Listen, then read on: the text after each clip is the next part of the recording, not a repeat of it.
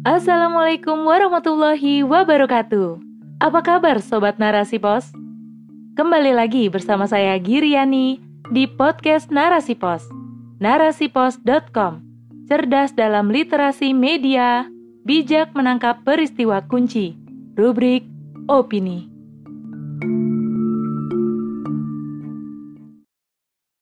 Alarm diskriminasi di hari yang fitri oleh Wening Cahyani berakhir bulan Ramadan. Hari yang fitri telah dinantikan saat umat Islam raih kemenangan menjadi pribadi penuh ketakwaan. Namun, bahagia terhalang ketika makan-makan dilarang, membatasi tamu yang diundang, suasana riang kini menghilang.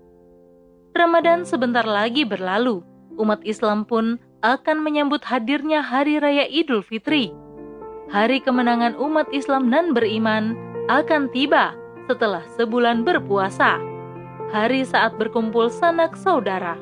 Tapi semua itu akanlah sirna tatkala pemerintah mengeluarkan surat edaran kegiatan halal bihalal. Dalam surat edaran tersebut ada pembatasan jumlah tamu dan melarang acara makan-makan serta menganjurkan masyarakat untuk menaati protokol kesehatan. Dilansir dari tempo.com, bahwa ada telah diterbitkan surat edaran tentang pelaksanaan halal bihalal pada Idul Fitri 1443 Hijriah oleh Menteri Dalam Negeri Tito Karnavian. Dalam surat edaran tersebut, ada pengaturan jumlah tamu dikaitkan dengan level PPKM. Selain itu, dalam acara halal bihalal tidak diperkenankan makan bersama karena dikhawatirkan bisa menyebarkan COVID-19 saat mereka membuka masker, makanan bisa langsung dibawa pulang oleh peserta halal bihalal. Pemberlakuan surat edaran tentang halal bihalal ini tampaknya ingin mengantisipasi tersebarnya COVID-19. Namun yang mengherankan, mengapa pembatasan ini sering kali dilakukan ketika berkaitan dengan peringatan dalam agama Islam. Protokol kesehatan selalu dianjurkan oleh pemerintah saat ada momen penting umat Islam sikap pemerintah terkesan diskriminatif terhadap umat Islam. Dalam kehidupan sehari-hari di tempat umum, masyarakat sudah banyak yang tidak taat prokes. Masyarakat sudah jenuh dengan anjuran-anjuran prokes, dan pada kenyataannya, para pemangku kebijakan di berbagai acara menghadirkan masa yang berlimpah dan tidak menaati prokes. Kebahagiaan masyarakat pun berkurang karena menghadapi kesulitan menjelang Idul Fitri, bahkan menjelang Ramadan, harga kebutuhan hidup mulai melonjak. Masyarakat tidak bisa fokus dalam ibadah karena pikirannya terkuras untuk mendapatkan uang agar bisa mencukupi kebutuhan dan merayakan Idul Fitri bersama keluarga. Selain itu, transportasi yang masih menjadi kendala saat masyarakat ingin bertemu keluarga. Arus lalu lintas yang biasanya macet dan harga BBM yang naik turut menyumbang kepedihan masyarakat. Idul Fitri merupakan momen istimewa sebagai salah satu dari dua hari raya bagi umat Islam.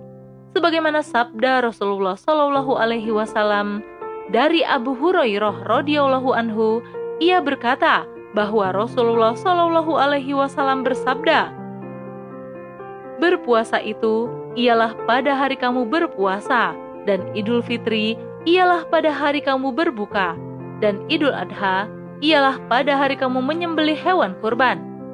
Dari hadis di atas, Idul Fitri merupakan hari berbuka dan dibolehkan makan-makan setelah satu bulan berpuasa. Umat Islam disunahkan makan terlebih dahulu sebelum berangkat sholat Idul Fitri.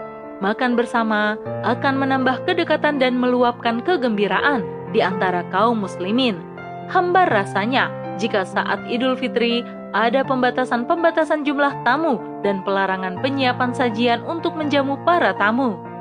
Idul Fitri merupakan salah satu syiar agama Islam yang agung.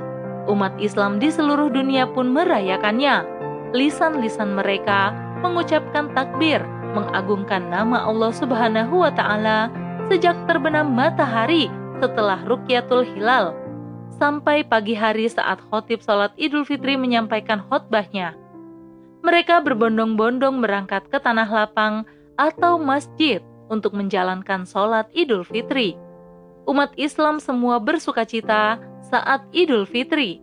Mereka dianjurkan keluar rumah menuju tempat sholat, bahkan wanita yang haid pun dianjurkan turut serta hadir di tempat sholat agar bisa mendengarkan pesan-pesan kebaikan dari khotbah saat Idul Fitri.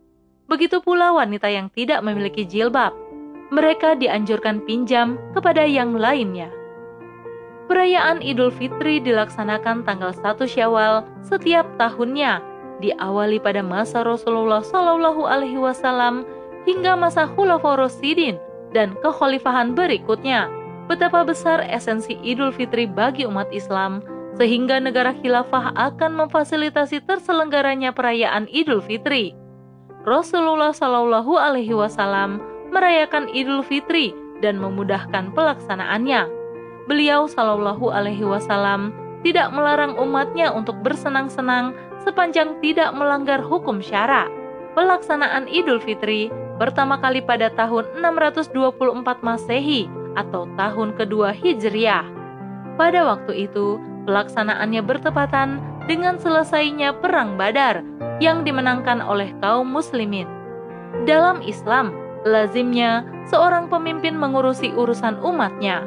Pun dalam pelaksanaan Idul Fitri, agar bisa berjalan dengan baik dan membahagiakan rakyat, jaminan pemenuhan kebutuhan pokok dilakukan agar rakyatnya bisa berbuka dan makan-makan saat Idul Fitri. Kendati pun ada zakat fitrah, namun kewajiban untuk memenuhi kebutuhan rakyat tidak boleh diabaikan.